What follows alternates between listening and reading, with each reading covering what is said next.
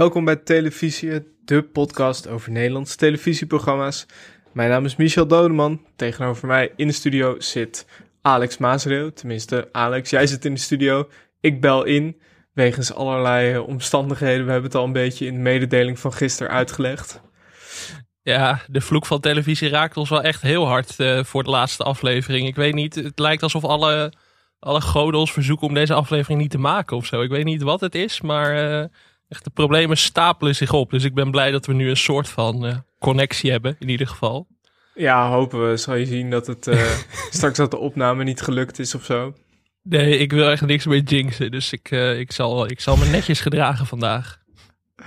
Heel goed, ja. Dit is dus de allerlaatste aflevering van dit seizoen. Hierna hebben we zomerstop. Geen zorgen, we komen wel weer terug. Maar al wat verontruste reacties nadat we gisteren dus een mededeling uh, online hadden gezet. Het is niet zoals neutrale kijkers dat we ook echt helemaal stoppen. Het is uh, gewoon voor even en daarna komen we weer terug. Ja, want we kunnen misschien de belofte alvast wel doen wanneer we terugkomen. Dat is lekker, dan kunnen mensen alvast thuis de aftelklokken inschakelen. Dat ze zeggen Ik- van uh, nog zoveel ik zat te dagen. denken, ja, kunnen ze het in de agenda zetten? Ik Ja. zat te denken als het eh, minstens twee weken lekker weer is geweest.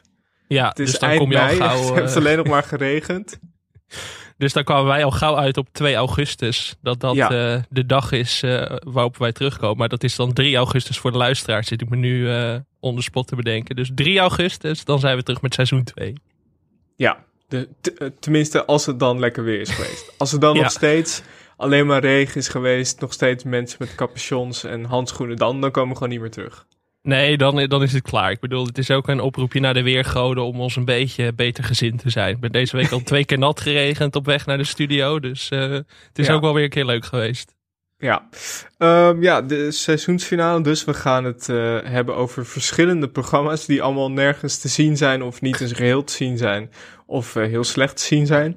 Maar misschien moeten we het eerst nog even hebben over de actualiteit, want het was natuurlijk de week van het Songfestival. Heb je gekeken? Ja, ehm, ik heb verzaakt, Michel. Ik weet, eh, ik Echt? ben de co-host van een televisiepodcast. Ik heb veel boze reacties gehad toen ik aangaf niet te gaan kijken. Maar ja, ik zat, ik zat zaterdagavond alleen op de bank thuis.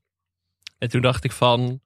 Toen dacht ik, ja, als ik nu naar het Songfestival ga kijken... en ik zie mezelf, zeg maar, treurig alleen op zaterdagavond naar het Songfestival kijken... dat, eh, dat beeld kon ik niet aan van mezelf. Dus toen heb ik maar een film opgezet. Want nee, weet je, als je samen met mensen kijkt, biertje erbij... dan heeft het nog wel wat, maar... Ik kon me er niet toe zetten. Ik kon het gewoon niet. Ik weet niet, eh, nee. Het, het, het leeft in het hele land. Rotterdam, hartstikke leuk. Maar nee, het, het lukte niet. Het kon niet. Nou, het is goed dat ik dan eh, wel alles heb gezien. Halve finale, talkshow, finale. De hele uitslag heb gekeken, dus ik heb alle, alle grond eh, gecoverd. Ah, het, was wel, het was wel echt een spektakel. Ja, eh, als Ja, zeg eh, tegen jou, Twitter niet mocht gezien, geloven. Nee. Maar ik vond het ook wel leuk dat alle talkshows eh, deze week vanuit Rotterdam kwamen. En het grappigste vond ik dat er eigenlijk werd gedaan alsof Rotterdam een soort... Ja, een nieuw ontdekte diersoort was of zo. Het was echt... ja, we zijn deze week live in... moet ik even kijken of ik het goed uitspreek. Rotterdam? Rotterdam. We hebben ook mensen gevonden die hier wonen. We gaan nu even live schakelen naar iemand die hier woont. Het is gewoon een twee stad van Nederland. ja. ja, dat is raar. Hè? Dat hangt er altijd een beetje overheen. En dan op een gegeven moment worden altijd Hugo Borst en Martin van Waardenberg eh, opgetrommeld. Ja. Want dat zijn dan de Rotterdammers, zeg maar. Het is niet alsof er nog honderdduizenden mensen daar wonen. Maar ja, het is toch ook wel leuk voor Rotterdam. Toch? Hartstikke leuk. Ja, ik gun nou het ja, ze wel. Ik zat te denken, eh, wa- waarom, waarom komen er niet vaker talkshows uit Rotterdam eigenlijk? Want Ja, volgens mij was het bij de vooravond toen wel het idee. Maar toen was volgens mij de redenatie van de redactie... ja, dan moeten al die gasten naar Rotterdam komen... en dan hebben we minder kans op gasten. Dat was volgens mij de overweging. ja, ja ik vond eh, vooral Bo vond ik deze week wel erg leuk. Die had eh, Gerard Joling eigenlijk de hele week, die kampeerde in de studio. Dus dat was, dat was wel echt genieten. Maar ik vond, het, ik vond het wel echt... Ik weet niet meer wie dat schreef, maar dat, volgens mij was het Han Lips in het Parool.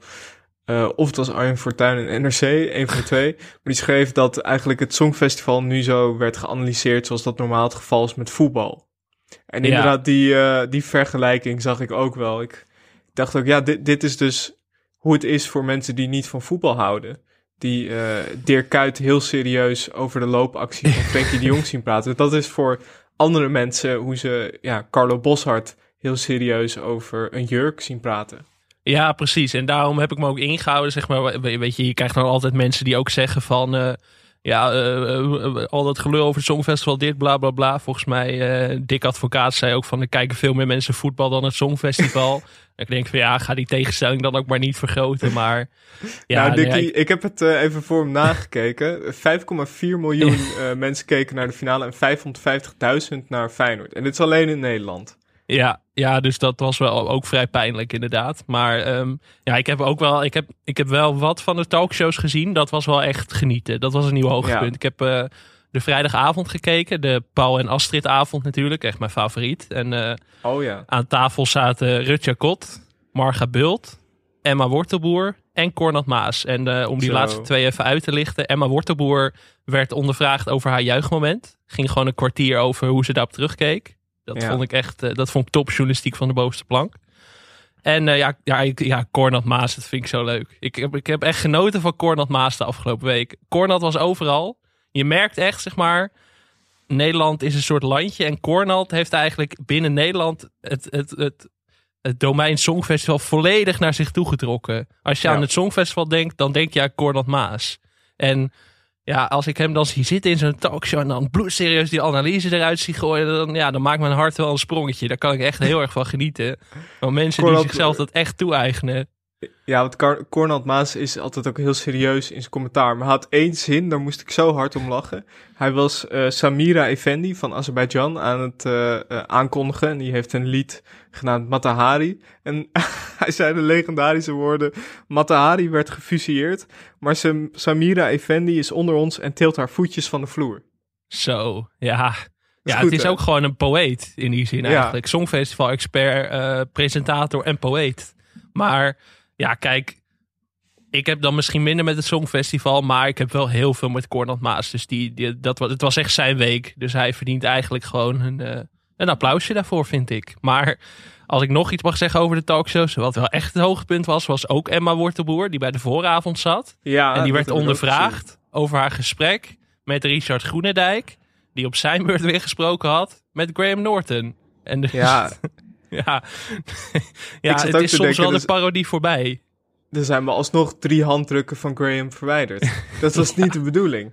Nee, Nee, je zou denken van misschien kan daar ergens iets tussenuit worden gehaald. Dat je niet Renze Klamer, Emma Wortelboer, Richard Groenendijk, Graham Norton hebt. Maar gewoon ergens een schakeltje ertussen uithaalt. Maar dat komt blijkbaar niet. en dat vond ik eigenlijk wel weer uh, mooi. Het is bijna een soort vullingslus. Ja, ja, dit is inderdaad de ultieme vullingslus. Ja, wat ik ook nog zat te denken. Ik heb een paar weken geleden opgeroepen tot een, uh, een cordon sabitaire. Geen appels trouwens meer op tv. Volgens mij is hij sindsdien ook maar één keer op tv geweest. Want het gaat natuurlijk goed en dan, dan zie je App niet meer als het goed gaat. Nee. App is toch een beetje uh, altijd voor het onheil. Maar ik zat toch wat te denken. Analyse van App over het Songfestival. Had wel een ja. formatje ingezeten. Ja, misschien uh, hoeveel aerosolen de, de finalisten allemaal uh, uitsproeien. Ja.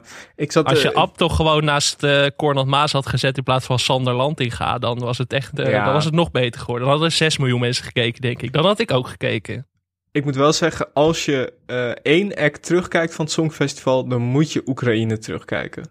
Dat was echt geweldig. Dat was, ik kan het ook niet beschrijven. Het was, het was echt, uh, ik, ik, ja.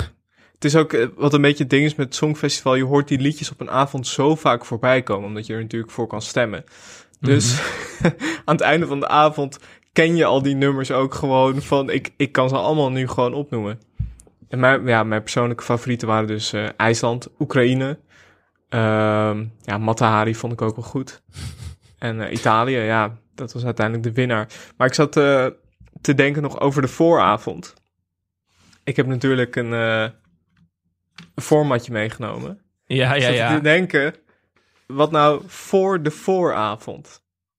Dat is dus een talkshow met gasten pal voor de vooravond, waarin ja. voorspeld wordt wat de gasten en onderwerpen van de vooravond gaan zijn. Dus het is eigenlijk een pre-praatprogramma. Oh, dat er gewoon ingezet kan worden op van vanavond zit, uh, zit, uh, zit Richard Groenendijker en zit Apostelhauser. Dat je gewoon een soort poeltjes kunt doen of zo. Of hoe, uh... Ja, en dan, en dan ook wel met gasten die er eigenlijk misschien ook bij de vooravond hadden kunnen zitten. Dus minister Ank Bijleveld, die dan ook teleurgesteld is dat ze niet bij de vooravond zit, maar dan wel blij is dat ze mag voorspellen wie er in de vooravond komen in haar plaats.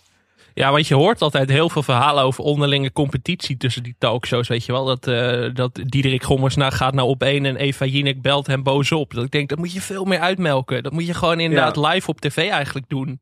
Gewoon die belstrijd tussen de talkshows, gewoon live uitzenden. Dus de voor eh, vooravond. Of voor de vooravond. Nee, voor de vooravond. Voor de vooravond. En ik had er nog eentje. Ja, deze wijst zichzelf een beetje. Het heet uh, Bed and Breakdance. De naam zegt het al een beetje. Dus het is eigenlijk gewoon bed and breakfast. Dus de koppels uh, slapen in elkaars B&B.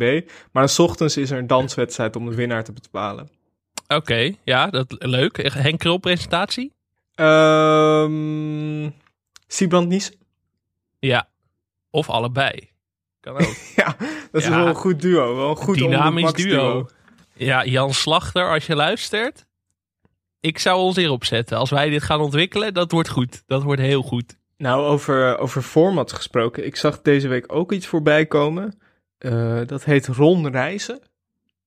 Heb je dat mhm. gezien? Dat is een reisprogramma voor 40-plussers, waarin uh, reisexpert Ron Pereboom Vuller en presentator, ja ja, Bert Kuizinga hun ervaringen delen op bijzondere bestemmingen in binnen- en buitenland. Ze mijden de algemeenheden, maar mikken juist op praktische tips en inspiratie waar je echt iets aan hebt. Wandelen in Wallonië, wijnproeven in Portugal, ballonvaren in Cappadocië, dat soort dingen.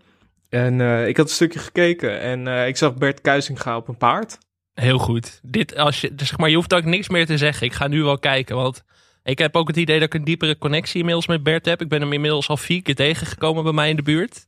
Volgende keer dan moet ik hem aanspreken. Dan moet, dan moet hij te gast komen natuurlijk. Want dat, uh, dat, kunnen we niet meer, dat kunnen we niet meer vermijden. Nee, je hebt ook uh, hele leuke gesprekken over leaseboten en dat soort uh, onderwerpen. Het is een beetje camping life, maar dan wat breder. Het is een beetje luxe, luxe camping life. Ja, gaat op de lijst voor seizoen 2 dan, denk ik. Ja, Die al heel lang is, maar kan er nog wel bij. Voor Bert maken we graag plek. Ja, Ron Reizen dus. Um, moeten wij even naar de luisteraarspost? Had jij nog uh, luisteraarspost? Ik heb ja, vooral veel luisteraarspost voor de aflevering van vandaag eigenlijk. Veel suggesties ja. al binnengekregen. Um, wil je daar meteen naartoe of wil je nog... Uh, nou, ik, uh, ik had nog... We hadden een bericht via Twitter van Guus. kom naar Guus. Hele goede Hele goede naam. Naar Guus. Uh, die noemde het Land van Maas en Geel, de totaal mhm. geflopte late night talkshow van Talpa 10, gepresenteerd door Bridget Maasland en Kees Geel. Die, uh, uh, ja, het leek hem leuk om die eens te bespreken. En hij zei ook, overigens zat de programmering van Talpa 10 natuurlijk vol met mislukte pilots, waar om meerdere redenen nauwelijks meer iets van te vinden is. Bijvoorbeeld Kluners uit Kenia, waarbij Bart Veldkamp een, een aantal Keniaanse marathonlopers ging leren schaatsen. Of het glas is half vol met notoren drankorgels Viola Holt en Bonnie Sinclair die samen in redelijk aangeschoten toestand feestjes bezochten. Uh, om over alles wat s'nachts op die zender werd uitgezonden nog maar te zwijgen. Veel succes met de, verder met de podcast en ik hoop dat seizoen 2 spoedig mag volgen. Nou, 3 augustus, uh, Guus. Dank voor je. Ja. het land van Maas en Geel, dat is wel een hele goeie. Ja, we, we komen natuurlijk later in deze uitzending nog terug op een Talpa-programma. Maar um, ja, Guus zei dat en ik dacht van... we moeten volgend seizoen eigenlijk een Talpa-special maken. Want heel veel van die programma's zijn een beetje inderdaad... in donkere hoekjes van het internet verdwenen. Terecht ook, denk ik wel. Maar het is echt een goudmijn. Ik denk dat we daar moeiteloos twee uur mee kunnen vullen. Misschien nog wel langer. We zouden bijna een heel seizoen ermee kunnen vullen bijna. Maar uh, dat gaan we voor... we schuiven alles lekker door naar seizoen 2, uh, eh, wat niet meer past. Maar die Talpa special die komt eraan. Want het land van Maas en Geel, daar uh, heb ik ook nog wel wat over te zeggen. Daar kunnen we niet omheen. We kregen ook nog een, uh, een compliment van uh, Iris. Vriendin van Zo. de show. Iris Pietersen. Ja. Bedankt voor alle leuke afleveringen van het afgelopen seizoen. Zeker tijdens alle corona-ellende is het fijn om uit te kijken naar een gezellige, grappige podcast met kijktips en de juiste dosis nostalgie. Ook de afleveringen met gasten zijn top, dus ga zo door. Nou, ja, nou, dat is leuk om te horen. Uh, Dankjewel, Iris. Het is, de laatste, het is de laatste aflevering van het seizoen. We hebben veel tegenslagen gehad uh, deze week. Ja. ik dacht, ik gooi hem er even in voor het positieve gevoel. Mijn moeder heeft ook erg genoten. Moest ik ook ja? nog zeggen. Ja. Oké, okay, dat, is, dat is nog belangrijker misschien wel. Uiteindelijk maar ik hoorde wel. dus... Ik hoorde dus ook van iemand eh, die, die was ziek en die was naar ons aan het luisteren. Die zei van ja, het is gewoon niet zo intensief. En toen zat ik te denken, weet je, we gaan nu, we gaan nu naar al die vaccinaties eh, toe, als het goed is, de komende Ja. maand. Je, je moet, na, de, na de prik moet je een kwartiertje in zo'n ruimte gaan zitten. Toen dacht ik, in plaats van ongemakkelijke gesprekjes, kun je ook gewoon hoogtepunten uit onze podcast laten horen. Om mensen een goed gevoel te geven. Dat is belangrijk. Ja. Ja, of wij Ik kunnen, wij kunnen zelf zit. ook gewoon daar gaan zitten natuurlijk.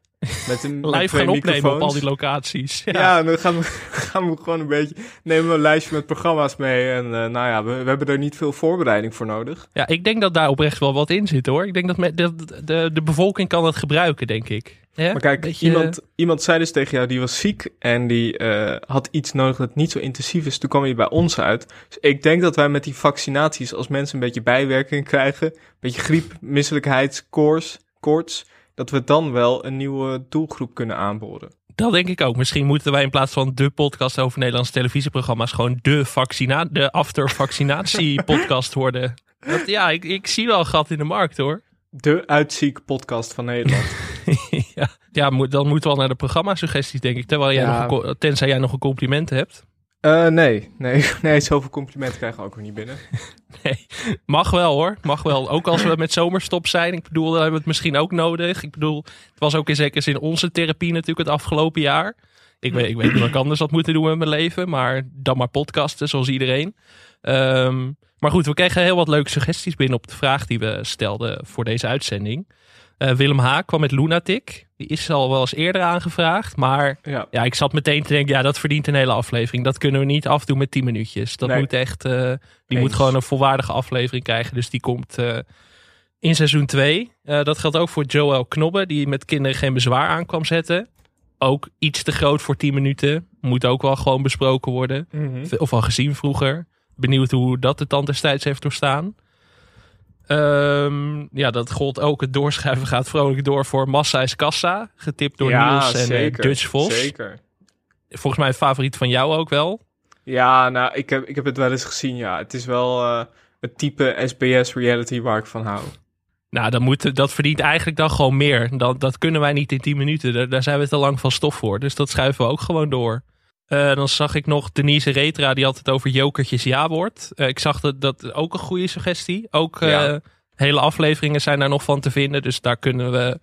Zo'n programma verdient het natuurlijk om de diepte in te gaan volgend seizoen. Nou, zullen we dan maar beginnen met eh, alle programma's die we hebben, die Zo, we gaan ja. bespreken vandaag. Dus het idee is, we hebben vijf programma's uitgekozen die niet of nauwelijks meer te zien zijn. En daar gaan we het gewoon even kort over hebben. Tenminste, gaan we proberen. En het zijn allemaal, op één na zijn het allemaal, eh, ja, dingen die zijn eh, ingestuurd. Eh, zullen we beginnen met Holland in de Hoed? Ja, lijkt me leuk. En misschien een beetje de overkoepelende vraag die we bij elk programma kunnen stellen is... eh, willen we dit programma in deze dan wel andere vorm terugzien? eh, of willen we gewoon eh, alle, alles hiervan zien uiteindelijk? Zeg maar dat al het beeldmateriaal weer beschikbaar komt. Ja, Dat dat ook een soort oproep is aan eh tv-makend Nederland. Maar laten we, laten we snel naar de hoed gaan. I am the J, and here I come, cause I am the bomb, you know? Oh, ik wil wel eh, graag doorbreken in Amerika. Mijn grootste droom is niet alleen maar om Amerika te veroveren, maar de hele wereld. Hun skills onverbeterlijk. Doe het tikken van de bom. Watch out LA, here I come. Hun moves onnavolgbaar. Try to with me and I KO you like Rocky Balboa. It's real quick, fucking sick. With these fools who keep on you like a dick. Ze hebben de wheels. En ze hebben de juiste mensen om zich heen verzameld. Ik speel het deuntje één keer en dan kom jij in. Oh shit. Can't explain the way I feel. Kortom, ze hebben alles in huis om de wereld te veroveren. En wij gaan ze daarbij helpen en brengen ze naar de plek waar ze eigenlijk thuis horen. De Hood. Het is te gek. Het is een, een droom. South Central LA worden ze de komende zes weken klaargestoomd voor de kans van hun leven. Een auditie bij een grote platenbonds. Let's see what Jimski has. Before I want to start, I want to tell my English is not perfect. Man. Ze moeten zien te overleven in de hood We need to get the fuck out. We don't play it over here. West Coast. en in de keiharde wereld van de showbiz. Acht Nederlandse rappers zijn klaar voor LA. Maar is LA ook klaar voor hen? People from LA, I'm coming now. Realize that reality is coming. Ja, eh, dit is dus aangevraagd door eh Jurre Zwaan. Of tenminste, nou ja, die stuurde ons dus de link. We hebben overal gezocht naar dit programma. Ja. En Jurre, Verdient wel een extra shout-out hoor. ja, Jurre die had dus, nou, vraag niet hoe, maar die heeft op YouTube een link gevonden. En dan kan je alleen buiten Nederland, met de VPN kan je die alleen zien. Ja, Ah, dat is het wel echt koninklijk. Echt heel goed. Ja, eh, misschien het, het proces van hoe Jurre hieraan is gekomen, dat, eh, dat, dat moeten we in het seizoen 2 nog maar even behandelen. Maar goed, eh, het idee is dus Holland in de Hoed. Acht rappers, acht Nederlandse rappers, gaan zes weken naar LA. Ze gaan proberen om het te maken als rapper. En er is uiteindelijk dan één winnaar. Presentator was Willy Wartaal. En de rappers waren, even kijken, daar komt hij, Oti, Jimski, Kinkel Kid, Leo, MC Bigga, P2, G-Lo en Demonite. In plaats van Dynamite. ja. ja, heel goed. Heb jij dit gezien vroeger? ja, ja, en ik had er eh, warme, warme gevoelens aan. Eh, gemiddeld bijna 500.000 kijkers. Dus ik was ook niet de enige. Eh, voor die tijd was dat natuurlijk wel iets minder. Het is ongeveer tien jaar geleden. Eh, Mhm. maar dit is wel echt een, eh een cult hit. Maar de fout die ik heb gemaakt... Of de fout, nou ja... Ik ging dus eerst een beetje research voordat ik dit ging kijken. En toen kwam ik een artikel tegen van Vice van een paar jaar geleden. Waarin een aantal van de jongens ehm, terugkijkt op dit avontuur. En de meesten hadden eigenlijk het idee dat ze een beetje voor schut gezet werden. En eh keken er niet zo positief op terug. Dus daarom heb ik het eigenlijk met niet zoveel plezier meer teruggekeken. Vind ik toch jammer altijd. Ja, ik had sowieso het programma was een beetje weggezakt. Maar wat ik me vooral herinnerde was dat er toen al wat controverse over was. Dat het ook heel erg Ja. eenzijdig de hip-hop-cultuur zou belichten en dat soort dingen. Ja, en als je terugkijkt. ehm, de makers hebben inderdaad eh, subtiele, het subtiele was, eh, was heel ver te zoeken in ieder geval. Laten we het zo zeggen. Ja. Eh, het was eigenlijk een, een heel extreme ik geloof in mij af van la lettre. Mhm. Ja. Volgens mij is zelfs dezelfde voice-over, toch? Was dit Niet. Kees Geel die de voice-over deed? Ik dacht dat het Kees Geel was. Maar... Kees Geel. Ja, Oh, ja, dit moet ik even... Dat is me niet opgevallen. Dan moet ik het even terug gaan luisteren. Ik dacht dat dit gewoon de, de stem was die altijd bij dit soort programma's... Je hebt gewoon een stem die altijd bij dit soort eh, reality-programma's eh, erbij zit. Ehm, nou, volgens mij hebben wij veel experts over Holland in de Hoed onder ons luisteraarspubliek. Hij is in het verleden vaker aangevraagd. Dus Ja. ja, ja Kees Geel of Ik geloof in mijn stem. Volgens mij was het Kees Geel, maar misschien, Hmm. eh, ik bedoel, ik ben ook maar menselijk. Rectificatie mag uiterlijk morgen ingezonden worden. We doen er niks mee, maar toch fijn. Nee, die, die tillen we dan eh, over de zomer heen. In de eerste aflevering, die, eh, dat is de aflevering die we gekeken hebben, dan zien we hoe de rappers afscheid nemen van hun familie en eh, naar LA gaan. In LA gaan ze samen met Willy Wartaal hamburgers eten. Rijden ze met een bus door LA heen. En nou, dat is eigenlijk een beetje de, de voorbereiding op het, op het grote, echte rapwerk. En we maken kennis met, met alle rappers. Bijvoorbeeld met ja, Jimski, die 20 man aanhang ongeveer had meegenomen bij zijn eh, afscheid. Ehm, of eh, even kijken, Wesley van de Dockham Westside Crips, die met ons fucked is er geweest. En ook G-Lo, G staat voor gangster. Lo straalt uit dat ik heel relaxed ben. Nou, dat was het, dat was het een beetje. Maar ik had in mijn hoofd dat het minder karikaturaal was. Ja, maar dat had ik na twee minuten wel door dat dat niet het geval Nee, was. nee maar... dat, valt, eh, dat viel toch tegen bij het herkijken. Ja, want ik zat in de eerste minuten nog te denken, ah, dat is leuk, weet je wel. Een beetje het contrast tussen, tussen de hoed en eh, een beetje die suffe Nederlandse buiten, eh, of die kleine stadjes, weet je wel, inderdaad.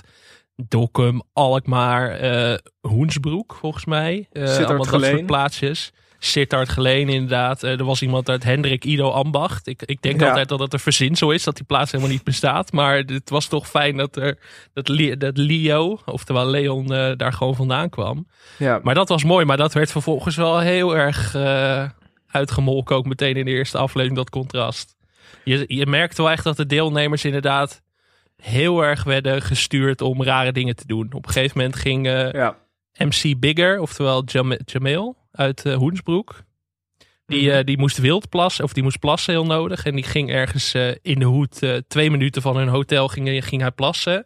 En daar had ik heel erg het idee van, oké, dit is wel ingegeven door de maker van, ja, ga nou maar gewoon, ga nou maar gewoon. Van Ja. even een beetje, een beetje reuring veroorzaken in die buurt. Dat, ja, dat ging me toch tegenstaan na, na 40 minuten. Of Had eigenlijk ik wel eerder. ook. En ik had eigenlijk ook dat ik eerder de deelnemers een beetje vertederend vond. Zoals dus Ja. eh, MC Bigga die eh, vertelde dat hij graag leest en dat hij de, eh, de, de biografie van Barack Obama aan het lezen was. En ik had een beetje, ja, ik, ik vond het, bij Ik Geloof in Mij vind ik dat, de, dat het nog net de goede kant op slaat. Ja. Kijk, er is het natuurlijk soms ook dat je denkt, oh, worden ze hier niet voor schut gezet? Maar ik vind dat het daar nog net iets minder het geval is. En ik heb daar ook het idee dat de meeste eh, deelnemers, niet allemaal natuurlijk, maar eh, de meeste er ook positief op terugkijken. En ook bijvoorbeeld eh, René Leblanc of Rutger van Barneveld, die hebben er echt wat aan gehad. En Ja, dat, ik heb sowieso wel het idee niet. dat dat ook een veranderend tijdsbeeld is of zo. Dat Ja. het ook echt heel erg, zeg maar, dit is natuurlijk uit 2011, tien jaar geleden. Reality was toen ook wel nog wat lelijker dan dat het nu is. Volgens mij is dat, dat Mhm. echt dat, dat, dat exhibitionistische, dat is wel echt helemaal een beetje, dat is er iets meer uitgegaan. Je hebt het natuurlijk nog wel in programma's als Temptation Island en zo, maar dat die mensen weten waar ze zich voor aanmelden in principe, weet je wel. Maar ja, dit, bij dit concept zou je nog kunnen denken dat de deelnemers wel oprecht dit willen. En dan heeft het al gauw iets ongemakkelijks of zo. Ja, dit was ook een beetje de tijd van eh, net na O.O. Gerso, echte meisjes in de jungles. Eh, volgens mij was dat allemaal van iWorks ook. Nou ja, dat, eh, dat was een beetje deze, deze tijd toen het echt heel erg over de top was. Ehm, ja, uiteindelijk kwa- kwam ook inderdaad, zoals je al zei, er was best wel wat oproer over. Er kwam een petitie, omdat dit dus geen realistische afspiegeling van de hip-hop cultuur was. En eh Oti zei bijvoorbeeld ook eh, na afloop, ja, ik voelde me een beetje voor schut gezet. Oti Ja. was trouwens later nog te zien in volgens mij een vlog van Boef op de achtergrond. Eh, Mhm. Dus Oti zit nog steeds een beetje in de hip-hop. Dat is leuk. Ja. Maar ook P2 zei: Iemand anders had mij opgegeven en ik kreeg na een tijdje wel bedenkingen. Ik wist van tevoren niet wat ik moest verwachten totdat ik de trailer zag. Ik barstte bijna in tranen uit. iWorks zijn: We gaan een geloofwaardig hip-hop programma opnemen in LA. Ze logen ons voor, maar het ligt inmiddels achter me. Ja, ja, dat vind ik toch wel iets treurigs hebben dan of zo. Dat die deelnemers dan eh, zo slecht erop terugkijken ook. Soms heb je nog wel eens dat programma's ook wel eh, iets willen met belachelijk maken van de deelnemers. Maar dat ze daar zelf niet heel veel om geven. Maar dat ze er ook echt misschien soms last van hebben gehad. Is natuurlijk wel, wel een beetje, beetje lullig. Ja, ik, eh, ik had hier zin in om het te kijken, maar het viel. Het was een beetje een tegenvallende kijkervaring. Het, is, eh, het heeft de tand destijds niet goed doorstaan. Nee, dat denk ik ook niet. Maar om nog wel één hoogtepuntje te noemen waar je ook vraagtekens bij kunt zetten. Maar waar ik wel heel hard om moest lachen was... eh, ze kwamen op een gegeven moment op de plek waar Notorious Big eh, was Ja. neergeschoten. En daar gingen ze als eerbetoon cola over de stoep gooien. En toen zei iemand, een van de deelnemers, zei... ja, eigenlijk hoort het niet, maar hij lustte heus wel cola. Want normaal doen ze dat met alcohol volgens mij, maar... En dan zei iemand daarna nog, ja, zijn bloed is zeg maar als de cola. Dat vond ik wel een hele goede quote. Ja, ja. Ja, Nee, het dat, is- het dat is maakt ook, het nog eh, net de moeite. Ja, precies. Het is ook dubbel. Kijk, het is natuurlijk ook. Het is ook eh, entertainment. Dat is een beetje het lastige aan. Het is entertainment, maar het, het is de vraag of de eh, deelnemers dat helemaal door hadden. Toen ze zich aanmelden of opgegeven werden. Dus nou ja, Holland in de hoed. Misschien maar goed dat we niet een hele aflevering hiervoor hebben uitgetrokken. Nee, en ik denk dat dit ook niet meer gemaakt zou worden met ook de stereotypering die er wel een beetje in zitten natuurlijk. Eh, ja. Ja, nee, ja, het, het, het zat inderdaad beter in mijn geheugen dan dat het in werkelijkheid bleek. Maar dat is ook goed. Dat, je, dat moet je soms ook constateren. Ik bedoel, eh, het was ook niet vreselijk om te kijken. Maar eh, Nee, nee, nee, ja, het stelde toch een beetje teleur in die zin. Vooral van de makerskant. Van de kant van de makers. Ja, klopt het nou ook nog? Dat las ik ergens, maar ik kreeg niet helemaal de vinger meer achter. En we konden dus maar één aflevering zien. Maar klopt het dat Willy Wart al na de tweede aflevering niet meer te zien was? Ja, dat las ik ook inderdaad. Misschien eh, ja, dat hij ook dacht van hier heb ik geen zin meer in, dit ga ik niet doen. Maar dat, was niet, dat is niet terug te vinden online. Ik heb, me echt, Nee. eh, ik heb behoorlijk wat gezocht. eh. Nou, als iemand goed, weet eh, ja. hoe dat zat. ja, mensen, we hebben volgens mij wel wat fans van het programma. Dus wederom, laat het ons weten. Ben jij die echte Holland in de hoed kenner? En kijk jij wel eh, met goede gevoelens terug op het programma. Mag je altijd laten weten. Kan gewoon. Zullen we door naar de volgende? Ja, is goed. Ehm, ik zat te denken aan So You Wanna Be a Popstar, jouw keuze? Ja, ja, ja, die moesten we bespreken. Daar zat ik eigenlijk... Eigenlijk toen we deze podcast begonnen, was dit eigenlijk mijn nummer één die ik ooit wilde bespreken. Ja. Dus nou, ik neem nu genoegen mee dat we het heel kort bespreken, maar dit is wel echt, eh, hier is hij weer, een van mijn favoriete programma's uit de jaren nul. Echt, eh, ik heb echt zelden van, zo, van een programma genoten als van dit. Ik, Ja, ik heb het ook, eh, het zit echt nog goed in mijn geheugen. Want ja, we komen zo even op het deelnemersveld, maar het heeft wel heel veel iconische momenten voor de Nederlandse pop, popmuziek opgeleverd. Ja, echt een heel goed deelnemersveld. Voor de mensen die het niet kennen, So You Wanna Be a Popstar is een van oorsprong Nieuw-Zeelandse celebrity karaoke reality serie. Diverse bekende persoonlijkheden, geen zangers, gaan in het programma de strijd aan met elkaar om uit te maken wie de beste popster is. De winnaar krijgt uiteindelijk een platencontract en mag een single opnemen. In Nederland werd het programma uitgezonden door eh, SBS en de presentatie werd gedaan door het legendarische duo Ja. Nens en Gerard Joling. Ja, dit programma dat, dat tikt echt alle televisiehokjes gewoon aan van, eh, van wat het moet zijn. Wat televisie eigenlijk moet zijn. Ja, En wat voor mij eigenlijk de kern van televisie is, is dat mensen iets doen wat ze eigenlijk niet kunnen of niet zouden moeten doen. En dat mensen dat dan vervolgens toch doen, dat is voor mij eigenlijk, eigenlijk de kern van alles. Dat is Mhm. eigenlijk waar het elke keer weer op neerkomt in onze podcast. En dit programma is daar echt bij uitstek een voorbeeld van. Ja. Want om maar een paar voorbeelden te noemen, ja, we kunnen misschien wel even naar eh, twee fragmentjes gaan luisteren. Faya Laurens die eh, Hemel en Aarde zingt. En eh Mhm. Nelleke van der Krocht die Het Land van Maas en Waal zingt. Dan heb je wel een goede samenvatting van het programma.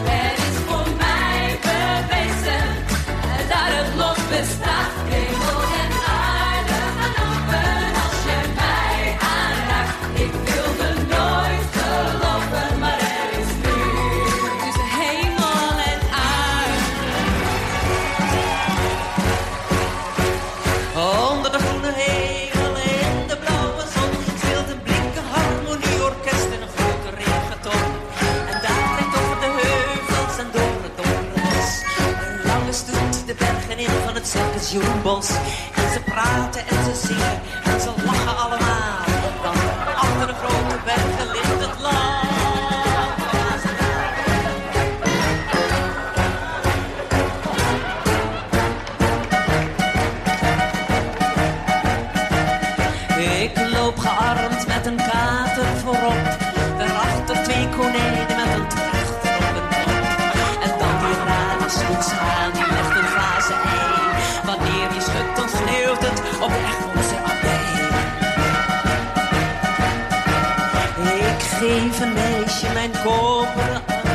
Dan komen er twee moren met hun schepen achteraan.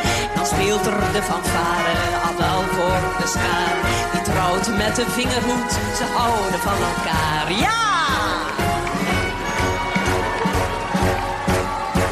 En onder de gouden hemel in de zilveren zon speelt altijd het harmonieorkest in een grote regenton. En daar trekt over de heuvels en door het grote bos.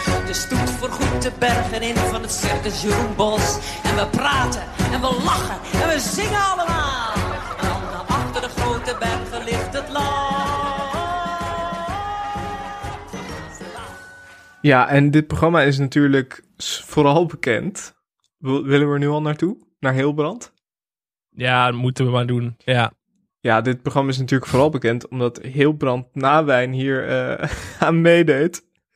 En ja, dat, dat was wel redelijk, redelijk legendarisch. Sowieso, misschien is het goed om even het hele deelnemersveld eh, door Ja. te nemen. Want er waren twee seizoenen. In het eerste seizoen was het met bekende Nederlanders. Het tweede seizoen was met onbekende Nederlanders. De deelnemers. eh Erik Hulsbos, de winnaar. Sascha Visser. Victor Brandt. Roxanne Hazes. Nelleke van der Krocht. Geert Hoes. Hilbrand Nawijn, daar is hij. Jochem van Gelder. Monique van der Werf. Faya Laurens en Tanja Jes. die werd laatste. Ja, dit is al bij uitstek een programma. Dat is eigenlijk een uitzondering, maar dat alleen met BN'ers leuk is. Want ik vond het tweede seizoen echt geen reet aan. Omdat het met onbekende mensen was. En volgens mij deed die Tim Douwsema deed daar ook aan mee Ja. dan wel. Maar die was toen nog niet bekend. Maar nee, dit was leuk. Maar, ik, ben, ik, ben, ik heb ook een zwak voor karaoke. Ik kan niet wachten tot de karaokebar weer open gaat. Dan sta ik weer vooraan op het podium. Met Jaap ja, dit programma met Jaap Jansen inderdaad. eh, Sinatra. Nee, ehm, ja, go- ja, god, ja, wat ik al zei. Gewoon mensen die, die het niet kunnen en dan daarnaar kijken. Dat is eigenlijk heerlijk. Gewoon Victor Brandt die rood van Marco Borsato zingt. Dat is heerlijk. Dat is echt Mhm. genieten. Daar kan ik echt, zeg maar, daar kan ik honderden keren naar blijven kijken. Daarom vind ik het heel jammer dat dit programma maar één echt seizoen heeft gehad. Ja, nee, er zijn wel andere, andere soort versies eh, hiervan geweest die, die erop lijken. Wat ik zo grappig vind is dat Roxanne Hazes vierde is geworden. Het was echt Ja. de enige zangeres is.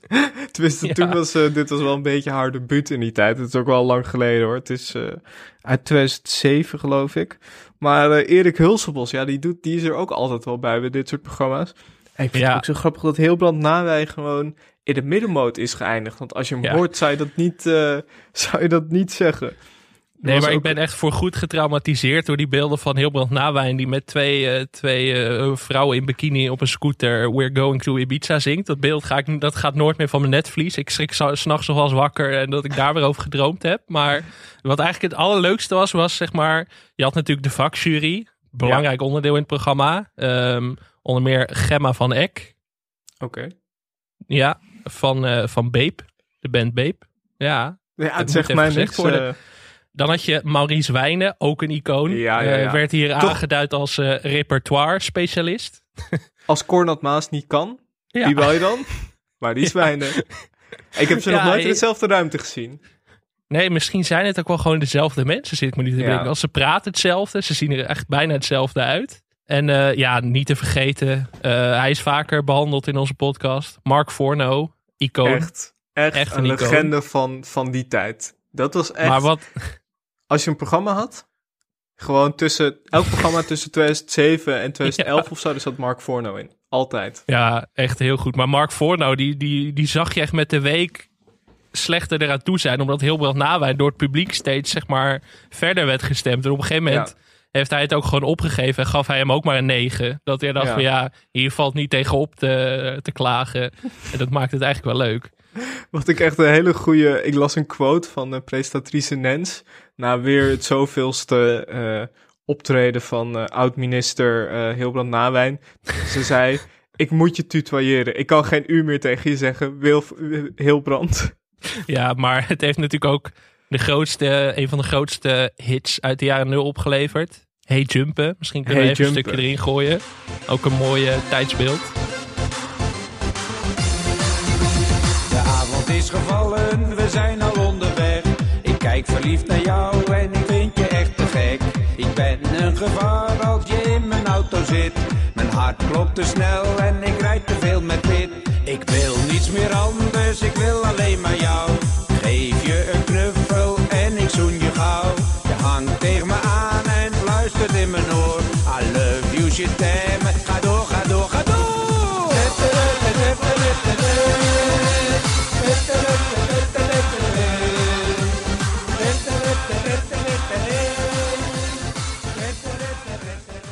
Ja, jumpen, dat is ook zoiets raars. Dat was toen, eh, dat was in die tijd echt een ding, hè?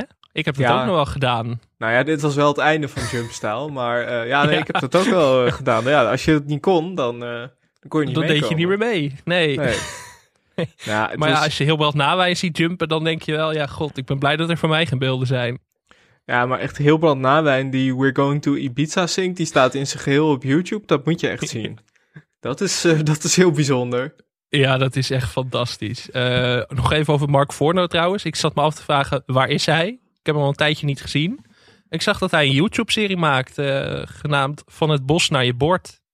Dat is heel goed. Oké. Dat hij brandnetels gaat plukken en daar volgens mee gaat koken. 132 abonnees, dus er kan nog wel wat bij. Ja. Maar ja, het is toch wel cult. En als je Mark Forno mist, dan moet je dit gewoon eventjes gaan opzoeken. Mark Forno, die verschanst zich ergens in het bos. Als je die zoekt. Ik vind ook dat allemaal- het wel weer... Ik, Nee, ik wilde allemaal dingen zeggen over de actualiteit, maar dat ga ik niet doen. Nee, doe maar niet. Ik ben, wel- ik ben wel eigenlijk benieuwd. Er zou eigenlijk weer een soort programma met Hilbert Nouwen en Mark Fortno moeten komen. Ik denk dat dat heel erg Ja. leuk zou zijn. Nog een andere observatie over dit programma. Is het jou ook opgevallen dat Nens en Gerard elkaar de hele tijd vasthouden? Ja, ja, ja. ik, dat, ja, dat vond ik heel raar. Gewoon de hele tijd. Gerard had Nens zo lekker dichtbij van niet weggaan. Niet heel erg eh, coronaproof, maar het had wel. eh, ja, het, het straalde intimiteit uit. En daar had ik even behoefte aan. Ja, en ik vond het ook leuk dat dit eh, de tijd was dat Gerard Joling alleen maar verenpakken droeg. Ja, Dat doet hij niet meer tegenwoordig. Zie je nee, toch dat is Een zonde. stukje ouder, stukje wijzer. Hij laat de pony nog steeds grazen, maar geen verenpakken meer. Nee, terwijl hij toch een beetje de Nederlandse Elton John is. Dat je denkt Ja. van, eh, dat moet toch gewoon kunnen. Maar ja, ik vind wel, dit programma moet meteen weer terug. Morgen, Ja, al, al hebben ze mijn geld nodig, ik ben bereid om hier al mijn fortuin aan de, te spanderen. Als ik wel de deelnemers zelf mag uitkiezen, maar dit programma moet gewoon weer terug. En eh, gewoon de hele versie op Videoland. Gewoon alles, we willen alles weer terugzien, want er zitten inderdaad heel veel pareltjes tussen. Ja. Eh, zullen we doorgaan naar de volgende? ik moet nog Eh, één shout-out doen oh. voor dit eh, programma. Want dit So You Wanna Be a Popstar, dit hebben wij kunnen zien op YouTube. Omdat het met videorecorder is opgenomen door Lucas B. Hey. Shout-out naar Lucas B. Ik bedoel, Dankjewel, Lucas. Ik bedoel, wij zijn toch uiteindelijk afhankelijk van de Lucas B's van deze wereld. En dat, ja, dat verdient, een, verdient een pluim. Lucas B. die dacht 14 jaar geleden, wat nou? Als Ja. twee millennials een podcast willen maken over dit programma. Ja, nou ja, oké, Ja, die heeft nu zijn ultieme erkenning. Gewoon na 14 jaar. En dat gun ik hem. Dat wil ik hem niet ontnemen. Ja, ehm, zullen we doorgaan naar Cash en Carlo? Super Showtime met Jorin's prijzenparty. Welkom bij Cassan. Knappe kandidaten trappelen op de tribune voor deze spetterende spelshow. 20 euro, 28 euro. Een zinderende strijd om prachtige prijzen. Kijk eens in de etalage. Aangereikt door aantrekkelijke assistenten. You're in the game. Elke werkdag om 7 uur Cash en Carlo. Ja, ook, een, eh, ja, ook erg leuk. Eh, deze is aangevraagd door Robin Konings via Instagram en door eh, Boas Groendaal. Dankjewel jongens. Eh Cash Carlo was een nieuwe variant van Hans Kazans prijsslag, dat weer was gebaseerd op de Amerikaanse oerversie The Price is Right. Het programma begon in 2002 en eindigde in 2004. In deze quiz gaat het erom dat de kandidaten de juiste prijs raden van allerlei zaken die ze kunnen winnen, van mountainbikes en dvd-spelers tot vakanties. En de deelnemers werden uit het publiek gekozen. Eh, presentatie door, uiteraard, Carlo Boshart en commentaar van Eddie Keur. Ja, heb jij dit gezien? Ja, het staat me heel vaag. Ik was wel jong toen, maar ik denk dat Mhm. ik in het laatste seizoen er nogal wat van heb gezien. Het was wel... eh, je herkent Carlo Boshart niet meer terug. Nee, maar Toch? ik vond het wel, alles wat we konden zien, vond ik het wel een, een fijne quizmaster. Ik dacht Ja. echt van, hier is echt meer behoefte aan. Ik bedoel, nu als iemand een beetje bekend is, dan wordt hij quizmaster. Ik bedoel, eh, je hebt quizmaster Ruben Nicolai, quizmaster Brett Dekker, quizmaster Martien Meiland. Maar dit is wel echt het betere werk. Dat ik dacht Dit, van, eh, Carlo moet dit vaker gaan doen.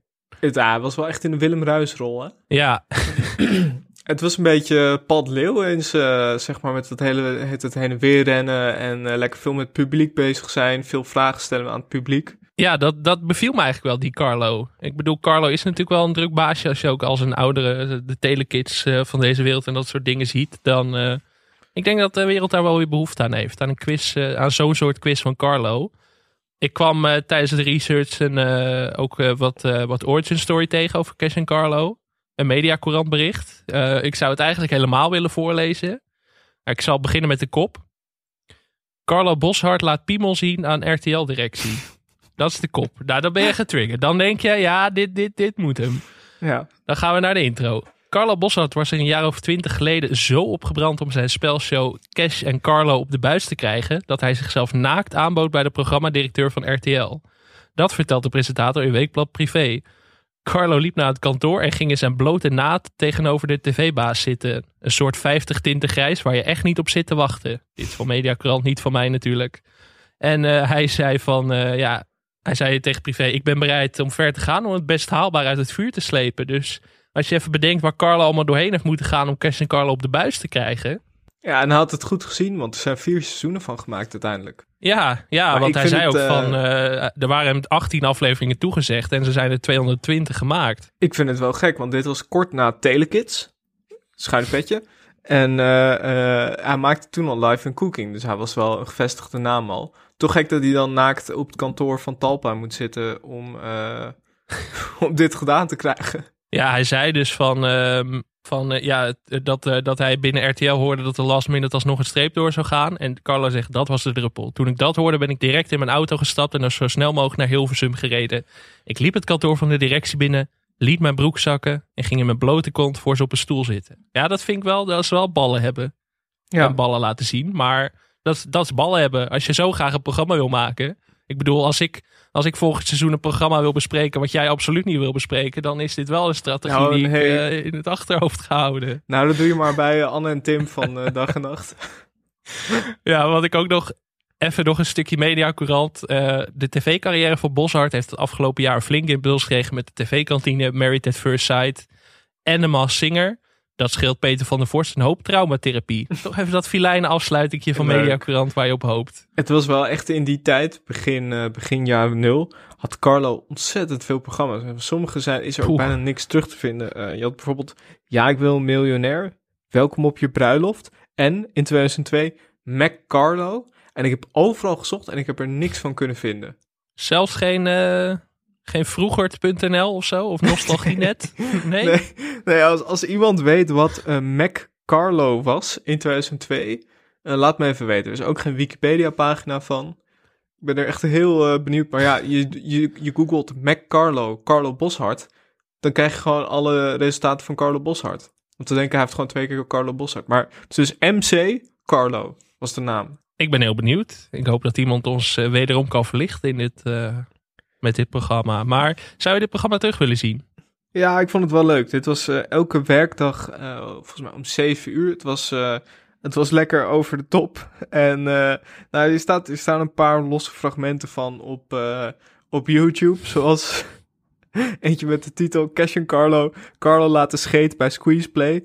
Nou ja, er zaten ook wat dingen bij waarvan ik dacht, nou, dat had voor mij niet meer gehoeven. Eh, ook wat accentjes en zo. Maar nee, Ja. ik vond het wel, ehm, wel leuk. Ik mis wel een beetje dit soort spelshows met gewoon mensen, een beetje laagdrempelige, eh, laagdrempelige spelshow. Het hoeft allemaal niet om miljoenen te gaan. Gewoon dat je een, eh, een auto kan winnen of een eh, dvd-speler. Nou, dat heeft niemand meer. Een laptop. Hé, hé, eh, niks, niks naars over de DVD-speler. Ik bedoel, je zit hier wel met de DVD. Met de eigenaar van, de Nederland. dvd-winkel in zijn slaapkamer. ja. Echt, als we, als we een keer met alle vrienden ehm, samenkomen, dan vind ik dat we een tour moeten doen langs Alex slaapkamer. Want je ziet echt dvd's, joh, dat wil je niet. Het zonnetje in huis. En nou, je Ja, ziet ja. alles voorbij komen. Ik ben wel echt over het zonnetje in huis gesproken. Volgens mij heb ik jou dit wel eens verteld. Maar er is een. eh, over de dvd's van een zonnetje in huis bestaat nog een, eh, een nare, nare bol.com recensie van mij op, eh, op het internet. Volgens mij is die nog steeds te zien. Ik zal eens kijken of die er nog staat. Wat zei je Ja. dan? Ja, kijk, ik bedoel, het is nu wel tijd voor openheid. Dus ik moet gewoon, ik, ik moet hier vanaf. Het is ook een soort traumaverwerking.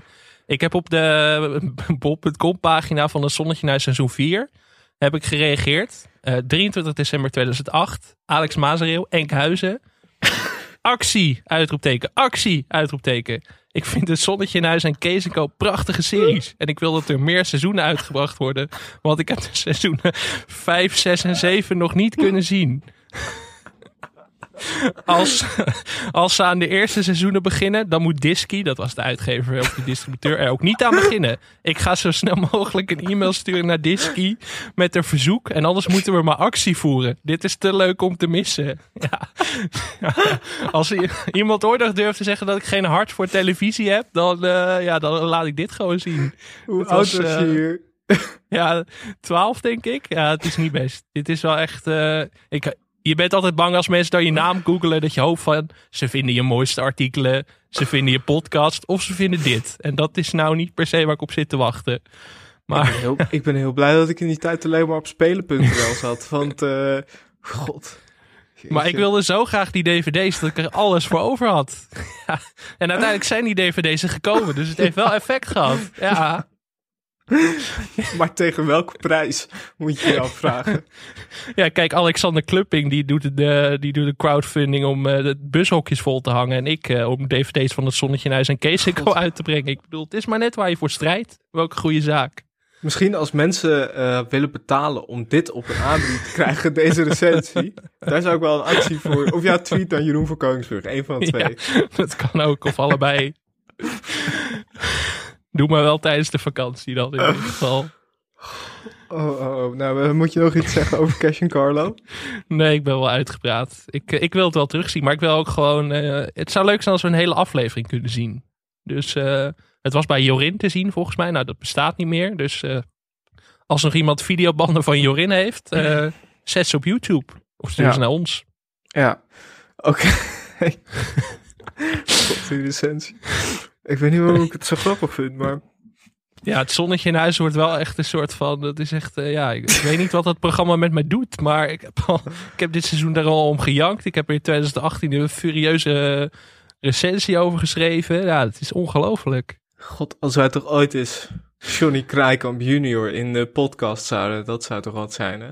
Ja, dan hebben we wel leverage. Ik vind dit wel echt. Uh, dit, als, je, als hij dit ziet, dan, dan zou ik wel denken als Johnny Krijk op junior zijn van. Oké, dat is een echte. Ja, uh, Johnny, als je luistert. We hebben je echt al tien keer besproken in deze podcast. Dus uh, nou, je bent van harte welkom. Ik denk dat we door moeten naar het volgende. Dat is de Nix-factor.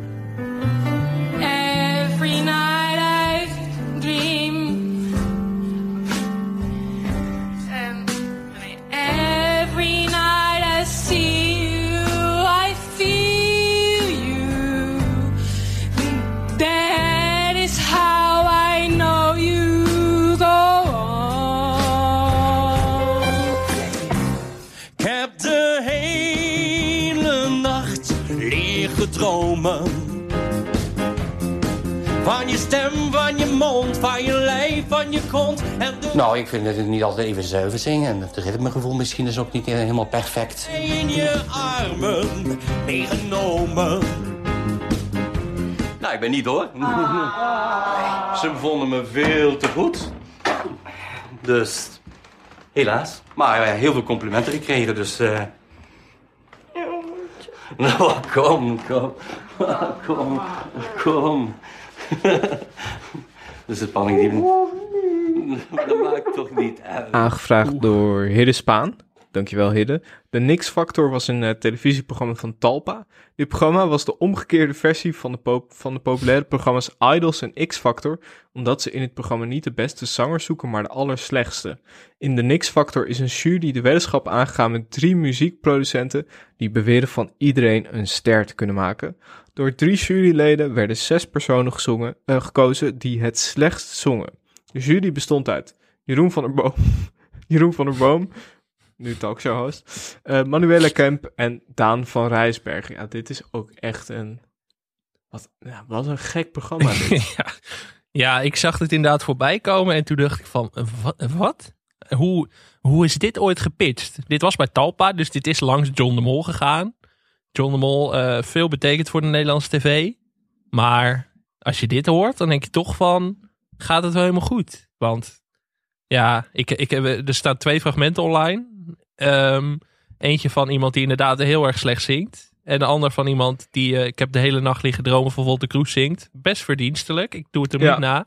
En die wordt dus naar huis gestuurd. Het is een heel, heel, heel bizar format. Ik, ik, nee, Ik vind nee, ik het... kon er gewoon niet erbij. ik vind het idee, zeg maar puur het idee van, kan je, ehm, kan je een hit maken vanuit het niets, zonder dat je goed kan zingen, zoals we bijvoorbeeld bij Rambam ook wel eens gedaan hebben.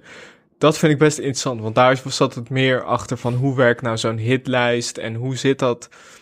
Best interessant. Maar de hele, ja, die hele eh, jury en gewoon de, de voorrondes en zo, ja, het is echt heel apart. Het is, eh, het is een beetje first and last, maar dan zeg maar, je hebt Ja. programma's waarbij de winnaar moet zijn. Je hebt first and last. En dan heb je de niks-factor, waarbij je dus laatste moet worden. Ja, dit is wel misschien wel het bizarste programma wat ik dit jaar gezien heb voor de podcast. Ik bedoel, ja, nee, ik, ja, ik heb er eigenlijk bijna geen woorden voor hoe, hoe bizar het is. Het is gewoon, dat iemand die redelijk kan zingen gewoon van het podium wordt gestuurd door Jeroen van, eh, Jeroen van Koningsbrug, Jeroen van de Boom. Dat, eh, ja, bijzonder toch? Dat je dit zeg maar gewoon durft te pitchen. Dat vind, ik- vind ik al gedurfd. Hele jonge Jeroen van de Boom. Ik wist niet dat Ja. hij toen al eh, op het toneel was. 14 jaar Maar je merkt nee, wel, 16 die jaar empathie geleden. is er later pas ingekomen. Hè? Dat is toch die hoge bomenfactor. Ja. Ik denk dat die nu volgroeid is. Toen was het nog een beetje bleu allemaal. Ja, toen, toen was, nog niet, eh, was hij nog niet de man van het gesprek. Nee, ik bedoel, wij zijn ook niet zo. Wij waren ook nog niet zo goed als dat we nu zijn in de eerste aflevering. Dus toch, Ja. eh, toch ervaring wat je nodig Ja, je hebt. moet groeien. Je moet groeien. Ja. Nou ja, bij dit programma Babushka van Anton Molotov bereikte de 14e plaats op de, op de hitlijsten. Mijn droom van Klaartje kwam binnen op plek 12. Terwijl, jawel, de winnaars Pim Paulusma en Gio Mama één plaatsje hoger binnenkwamen met So What Dan Niks. Ehm, ja, dat is ook wel echt een, eh, een belevenis. Dat waren dus Paul Dros en eh, Giovanna Patricia eh Copin, als ik het goed uitspreek. Die werden door eh Cheert Oosterhuis omgevoerd tot een rapduo. Pim Paulusma en Gio Mama. En die hadden dus een liedje uitgebracht, So What Dan Niks. Met onder meer Bo van R. van Dorens in de clip. Ja, dit waren ook wel boze hoogtijdagen. Hè? Ja, maar echt. nou ja, wat een wonderlijk programma. En er was dus de, de Russische Anton. eh, dat was ook nog wel een verhaal. Die, ehm, die, die werd afgewezen, maar Jeroen van de Boom kreeg meteen daarna spijt. Eh, hij werd teruggeroep, ge- teruggeroepen en mocht toch door. Ehm, wat bleek daarna? Eh, Anton had al eerder in de schijnwerpers gestaan, want hij speelde namelijk in meerdere pornofilms. Oké, ja. Nee, ja. Ja, daar kwamen ze toen ook achter. Ja. ja. Ja, ik las ook nog een interview met Jeroen dan in Trouw volgens mij. En eh, die zei, eh, dat las ik deze alinea. Volgens Van der Boom vinden kijkers het leuk om te zien hoe de zes kandidaten door de producers worden aangepakt. We lopen mensen niet belachelijk te maken hoor. Uitroepteken. Mm, dat durf ik over te twisten, maar... Ja. Ehm, ja, hij zei daar ook over. Ze weten heel goed dat ze niet kunnen zingen, maar omdat ze bij Idols zijn afgewezen, hopen ze hier eindelijk iets te winnen. Nou ja, dat, dat, dat, dat zou dan nog de enige factor kunnen zijn om dit programma te maken. Maar ja, bij een van die deelnemers, dus die eh, deelnemer die eh Wolter Kroes zong, die dat best wel aardig deed, die kwam dus terug. Die werd naar huis gestuurd en eh, zijn vriendin was in tranen. Dus dan Ja. ben je in tranen omdat je niet door bent bij een programma voor de slechtste zangers. Dat is toch wel ook bijzonder. Ja. Nee, het is. het, dit was een van de gekste dingen die ik. het was misschien maar goed dat er geen hele versie Nee. van beschikbaar was. Dit was goed, Ja. zeg maar. Deze, deze ontreddering bij ons, eh, die twee minuten, dat was misschien wel genoeg. Maar ik ben ja, stiekem toch eigenlijk ook wel weer benieuwd naar een hele aflevering. Maar ik weet niet of ik het eh, mentaal aan kan.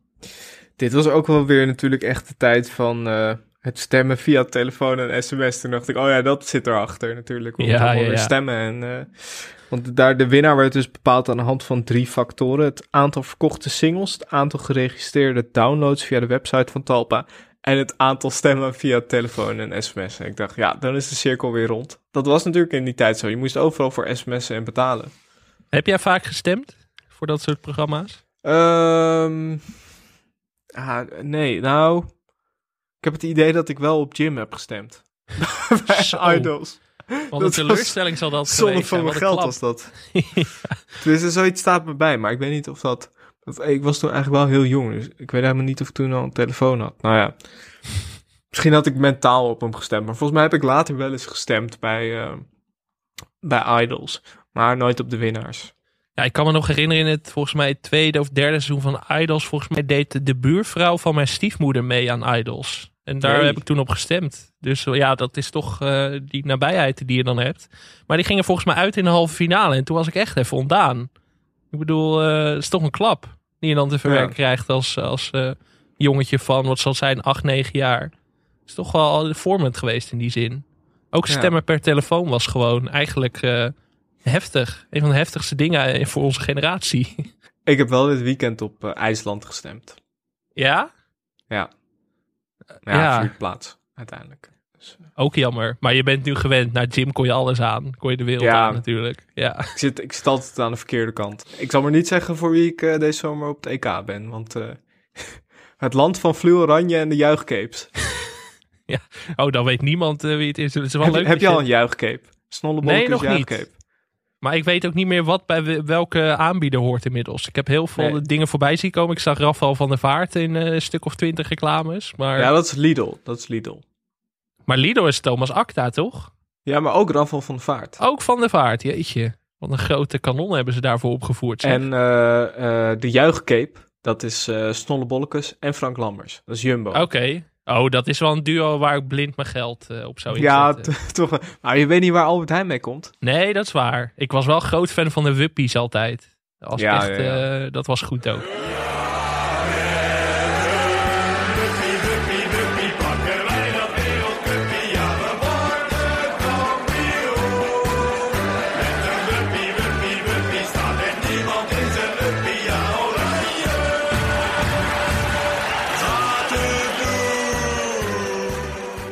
Daarna, eh, daarna, zijn het ze toch zichzelf minder. gaan Ja. herhalen. Ja. maar dat was ook nog die tijd met, eh, met Harry Piekema en Albert Heijn reclames. Toen had je ook echt het Wuppie-lied. Dat was goed. Het Wuppie-lied. Ja. Maar eh, even, sorry, even voor dit zijpaadje. Maar voel jij al een beetje de oranje koorts, EK-koorts? Het is al over een week of eh, drie. Ik voel ja, het, het nog niet begint, zo. nee, het begint bij mij wel langzaam te komen. Ik bedoel, eh, het, eh, het voetbalseizoen is nu afgelopen. Dat is fijn. Die afsluiting is er. Conference League in de pocket. Tweede ro- voorronde van de Conference League gehaald. Dat is toch een droom die uitkomt. Eh, Ga je, ga je ook meereizen als het kan naar, eh naar Azerbeidzjan? ik wil heel graag naar, eh naar Jablonek uit of zo. Of dat soort teams. Maar nee, ja, ik, ik, ik was gisteren dus eh, zat ik bij neutrale kijkers. En dan eh, weet je, die jongens die, die wakkeren die voetbalemotie vanzelf al aan. Dus Ja. nee, ik ben wel helemaal, helemaal om. Maar jij nog niet dus. Ah, ik voel hem, eh, ik vind het toch allemaal een beetje, maar het komt ook, het komt ook door het weer. Ik, eh, gevoelsmatig Ja. is het februari. Dus eh, ik, maar ik zie ook nog weinig, weinig oranje. Maar misschien komt het gewoon omdat ik nog geen juichcape heb. Nee, nee, ik denk dat dat het verschil gaat maken. Ik denk, Ja. eh, daar moeten wij snel aankomen. Zijn ze al beschikbaar? Ja, volgens mij wel. Ik, Oké. ik, ga, ik ga vanaf nu een stukje verder lopen. Dan kan ik naar de Jumbo om boodschappen te doen. Jumbo mag ons ook bij sponsoren. Ik bedoel, wij willen die juichcape best een eh, setje in de goede richting geven hoor. Wij willen wel een televisiecape. Ook dat mooie roze van ons artwork, dat is ook wel mooi. Dan gewoon Ja. neutraal. Gewoon neutraal Eh, het EK kunt kijken. En dan werken wij samen met eh, Bert Kuizinga. Nou, eh, laten we naar het eh, volgende en laatste programma gaan. Eh, dit was mijn keuze, maar ook die van vriend van de show Dylan van Beckham. Eh, namelijk Sterretje gezocht. It's Geraldine. I like to dance. And when I shake it, it's like an earthquake. Ik ben 19 jaar, val op jongens, klein beetje op meiden. En ik hou van voetbal en natuurlijk van... Hallo, een Brabander uit Den Haag. In de sport werk ik graag. Jullie zijn op zoek naar het nieuwe gezicht van BNN. Stop met zoeken, want hier is Gwen. Woe! Het meest schokkende wat ik vandaag heb gehoord.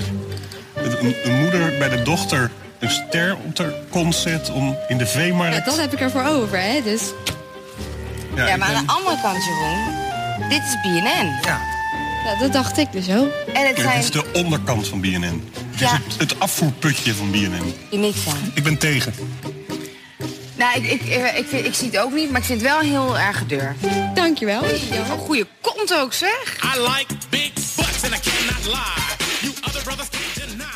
Sterretje gezocht was een televisieprogramma van BNN, gepresenteerd door Dennis Storm en Valerio Zeno. In de afvalrace werd er gezocht naar een nieuwe presentatrice van de omroep BNN. De juryleden in het programma waren Jeroen van Baren, Job Kastelein en presentatrice Bridget Maasland. En het eh, programma werd bekend omdat het uiteindelijk werd gewonnen door Geraldine Kemper. Ja, dit was een heftige ervaring. Ja. Ook weer even was- stil van eigenlijk. Het, eh, het idee van dit programma... Er was niet zoveel van te zien. Nee, dat is misschien maar beter ook. Want alles wat ik ervan gezien heb was eh, vrouwen in bikini op een lopende band. Die door twee mannen en Britjes Maasland beoordeeld worden. Ehm, ik, vond, ik vond het heftig. Ik vond het heftig. Ja. Ik heb dit volgens mij wel eens gezien. Maar het was me niet helemaal bijgebleven. En ik vroeg, eh, ik vroeg Dylan inderdaad ook van ehm, waarom dit programma? Zeg maar, eh, waarom? Ik had toch even behoefte aan, aan antwoorden in die zin. Dus Dylan Mhm. zei ook van ja, dit is een programma wat ik vroeger van begin tot het eind heb gekeken. En niet uit een soort pulpvermaak, maar oprechte benieuwdheid naar wie de nieuwe presentator van BNN zou worden. Zoals mensen nu Wie is de Mol of Expeditie Robinson kijken. Of Idols vroeger. Ja. maar hij zei wel, achteraf denk ik echt, wat de fuck was dit voor open instichting. Dus op zich Instichting. Inrichting. Ja, sorry. Slip Ja, nee. Het was ehm, inderdaad vooral de, de eerste aflevering, de eerste ronde, waarbij, dat heette ook letterlijk vleeskeuring. Daarbij werden aan de lopende band eh, deelnemers gekeurd door de jury. Daarna heet het eh, in aflevering 2 had je sterretjeslag, een eh, stormbaan, IQ-test en een psychologische test. Daarna gaan ze presenteren, een zang- en danswedstrijd, een ehm, Try Before You Die aflevering presenteren, een scène uit Costa spelen, presenteren in Spuiten en Slikken en dan de, de live show, de finale. Ja, het was wel een wonderlijke... Het is toch altijd... Wat ik hierbij een beetje had, net als bij eh, zangers en rappers, is dat... ehm, ja, presentatrice bij BNN, dat was zeker in die tijd zo gewild... Dat ik het ook een beetje naar vond dat iedereen door al deze hoepels moest springen om daar een, eh, een kans voor te krijgen. Want ik dacht ook, ja, eh, ja zo'n vleeskeuring, wat heeft dat in principe nou te maken? Kijk, nu hebben ze gewoon een BNN Academy. Eh, dat lijkt me een wat beter idee hiervoor. Ja. Maar ik dacht, ja, wat heeft Ja. het nou te maken met of je kan presteren of niet? Ja, en ik snap wel dat, weet je, toen ik 15 was, had ik dit waarschijnlijk echt fantastisch gevonden. Dan Ja. had ik echt gedacht van, oh ja, ja, meiden in bikini, oh ja, weet je wel, dat heb je dan nog een beetje. Maar zeg maar, mijn 25-jarige woke ik is daar toch, eh, heeft er toch wat meer moeite mee. We zagen ook onder meer Gwen van Poort eh, voorbij komen. Eh, Mhm. Inmiddels onze collega volgens mij, podcast van alle kanten bij Dag en Nacht Media. Dus nou, die is wel goed terechtgekomen. En Geraldine natuurlijk ook, die nog een zware Noord-Hollandse tongval had op dit moment. Die Ja, ik vond, ook in een, Volendam. Ik vond ook een artikel op de website Almere deze week. Ja. Daarin stond een van de twee finalisten van het BNN-programma Sterretje Gezocht is dagelijks in Almere te vinden. De Volendamse Geraldine Kemper is geen Almeerse weliswaar, maar werkt, waar kan het ook anders, in het viscircus aan het Belfort. Is een viswinkel, viswinkel in Almere stad. Dus het leefde wel bij de mensen. Ja, het leeft in het land inderdaad. Als het in Almere leeft, dan leeft het in Nederland. Precies. Ja, de, de- ja, merkwaardig programma ook weer, hè? Dat, ja, dat je denkt, dit was tien jaar geleden gewoon op de publieke omroep. Het is wel mooi en bizar om te zien hoe snel die tijdsgeest is veranderd in dat opzicht. Hier zou je nu Ja. nooit meer mee wegkomen. Nee, nou ja, kijk, op zich, eh, het idee is natuurlijk leuk, maar de manier waarop Ja. het eh, werd in, ja, ook dingen, een zang- en danswedstrijd, ja, waar heb je het allemaal voor nodig als presentatrice?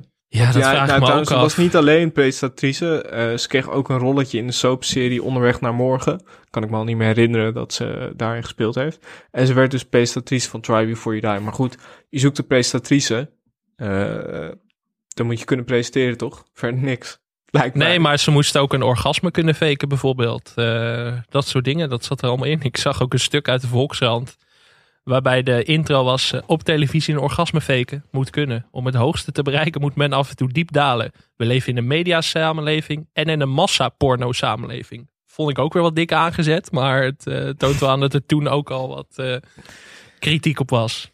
Ja, ze moesten ook bijvoorbeeld naar het Waterloopplein en dan voor 100 euro met z'n drie outfits bij elkaar sprokkelen. Ja, het heeft allemaal niet zoveel met presenteren te maken. Nou ja, het eh, idee was leuk, maar je had dit waarschijnlijk in, eh, in, eh, in drie afleveringen kunnen doen. Of nog beter, gewoon niet op tv kunnen doen, zoals ze dat nu doen met, met een BNN Academy. Nee, precies. En ik ben in die zin wel blij dat Geraldine nog wel gewoon redelijk goed terecht is gekomen. Dat ze niet meteen Zeker. na dit programma in de vergetelheid is geraakt. Dus nou, in die zin heeft het wel zijn nut gehad. Maar het is misschien goed dat dit in 2009 blijft. Ja, nee, hier hoeven we geen, eh, hier hoeven we geen nieuwe versie meer van te zien, eh, denk ik. Nee, dat denk ik ook niet. Nee, ik zie ook niet in wat voor vorm. Maar ik sluit niet Nee. uit dat er weer zoiets wel een keer gaat komen. Maar ehm, ja, succes met de Twitter-stormpjes dan, zou ik willen zeggen. Nou, ze hebben later hebben ze nog wel iets soortgelijks gedaan. Dat ze ook op zoek gingen naar iemand die volgens mij... Dat was iets met vloggers en drie op reis. Het staat me niet helemaal meer bij, maar dat een paar jaar geleden. En er was er ook een soort online... ehm, ja, een heel online gebeuren... dat je ook een nieuwe presentator van eh, drie op reis volgens mij kon worden. Zoiets. Nou ja, het heeft niet veel, eh, het heeft niet veel indruk gemaakt, eh, kan, je, kan je merken. Maar ik kende iemand die daar aan meedeed, dus vandaar dat ik het wel voorbij heb zien komen. Ja, maar als we dan al deze vijf programma's nemen, dan, eh, ja, dan is So You Wanna Be a Popstar eigenlijk de enige die ik mee zou willen nemen naar eh, 2022.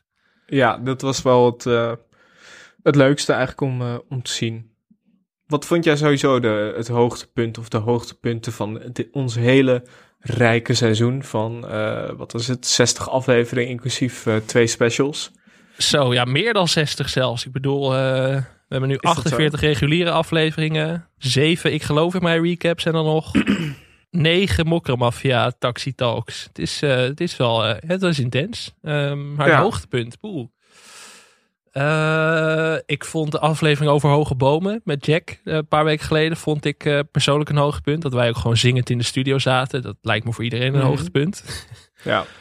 De aflevering, ja. De, ja, wat ik.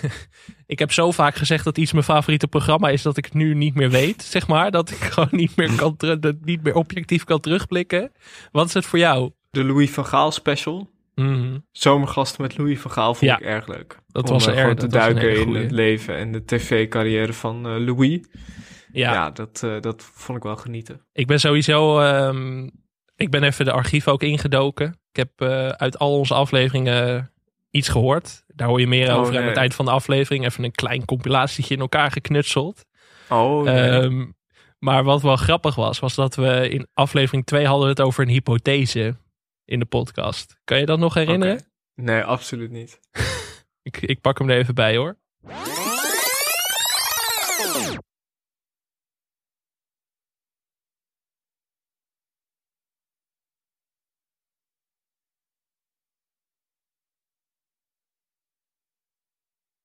Ja, misschien is het voordat we beginnen goed om even uit te leggen wat we precies gaan doen.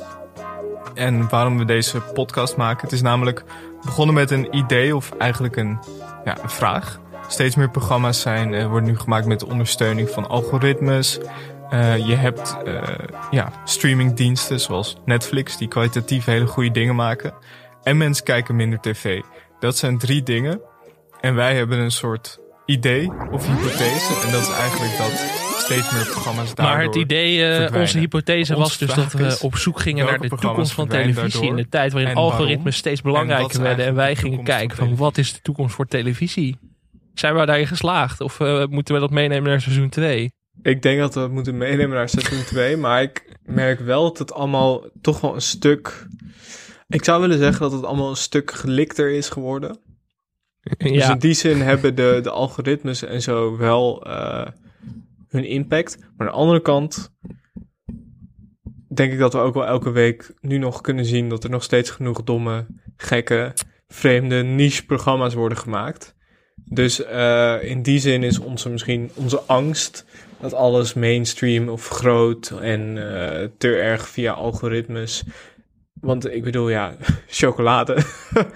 Ja, of de daarmee kun je ja. alles onderuit halen. En daar, zit, daar, gaat, daar komt geen eh, algoritme aan te pas voor programma's zoals eh, First and Last bijvoorbeeld.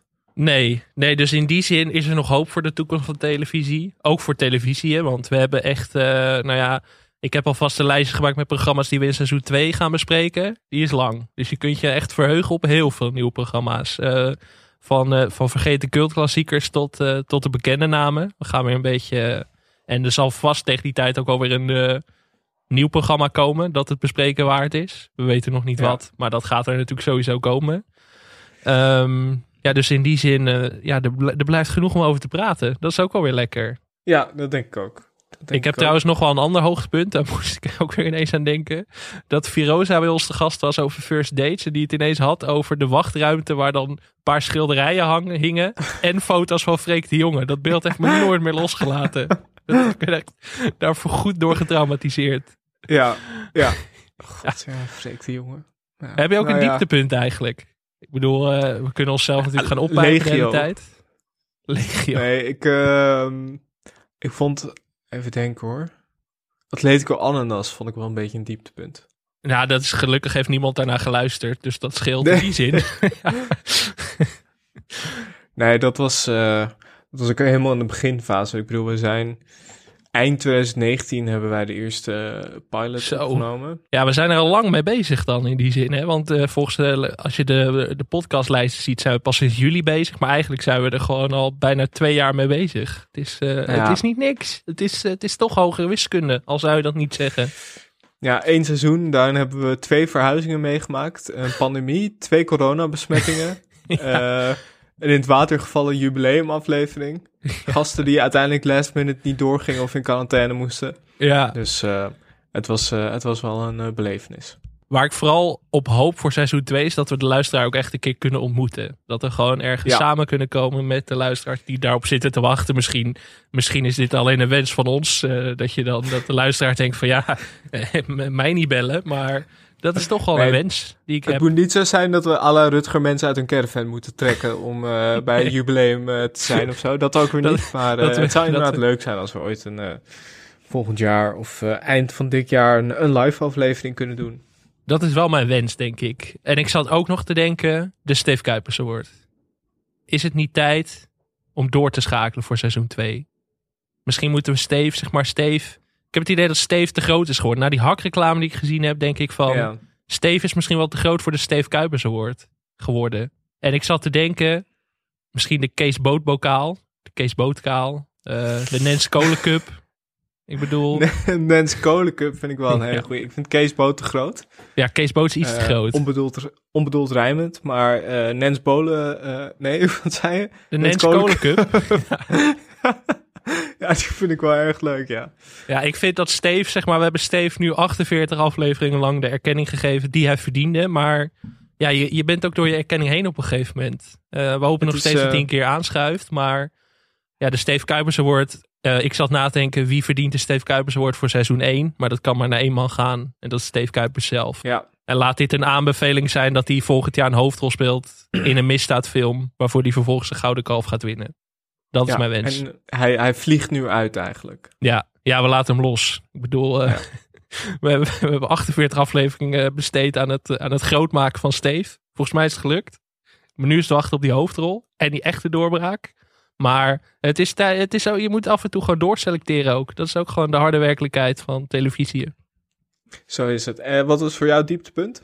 Eh, de aflevering waarbij onze podcast bijna viel, denk ik. Toch de promenade-aflevering waar ik een stukje van heb teruggeluisterd. En waarbij je het gevoel hebt, eh, die is natuurlijk nooit uitgebracht. Dus mensen hebben geen idee waar wij het over hebben. Maar ja, dat, dat je het idee hebt van dat twee mensen gewoon in aparte ruimte zijn gaan zitten. En allebei een podcast hebben opgenomen. Niet met elkaar in gesprek zijn. En toch het hoogtepunt dat ik aan mensen ging uitleggen wie Luc, Luc Ikink was. Dat was toch wel, eh, dat was ja, dat was niet goed. En dat we promenade probeerden te duiden. Wat gewoon bij uitstek een programma is dat niet te duiden valt. Ja, dat was wel echt, toen dacht ik wel echt van dit wordt hem niet. En dat we er uiteindelijk toch 60 plus afleveringen uit hebben geperst. Is Heb in die zin al een hele prestatie. proberen uit te leggen? Ja, omdat jij zei, van- ja, toen zei jij, oh joh, mensen weten wel wie dat is. Dus eh, ja, maar toen heb ik hem uitgelegd als die man van de filmpjes van RTL Late Night. Oh, wel ja. accuraat. Waarom hadden we het over Luc Ikink dan? Omdat hij waarschijnlijk op de hak werd genomen in Promenade. Ja, we gingen dus alle grappen in Promenade uitleggen. En dat is echt het Oh, slechtste ja. idee wat je kunt hebben voor een podcast. Kan ik wel vertellen na die aflevering. Die aflevering gaat natuurlijk nooit het levenslicht zien. Want dan worden wij eh, gecanceld waarschijnlijk. Niet zozeer om eh, schokkende inhoud, maar gewoon om, eh, ja, om domme duiding, denk ik. Omwille van de kwaliteit. Ik heb wel eens gehad dat ik in een theater was.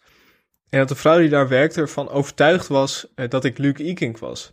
Ze zei, je bent toch die jongen, die presentator? Toen zei ik, eh, ja, wat? Toen zei ze, ja, die, die Luc van RTL, Luc Ikink. Toen zei ik, eh, nee, dat ben ik niet. Zij zei, jawel, Luc Ikink. Weet je wat ik altijd leuk vind als mensen zeggen van... hey, ben jij niet die? En dat mensen dan vervolgens zeggen, jawel. Net alsof je zelf zeg maar niet weet wie je bent. Nou ja, ik begon op een gegeven moment begon ik te twijfelen van, ben ik niet Luc? Moet ik vanavond nog viral video's... eh we gaan even kijken naar de leukste viral video's van vanavond.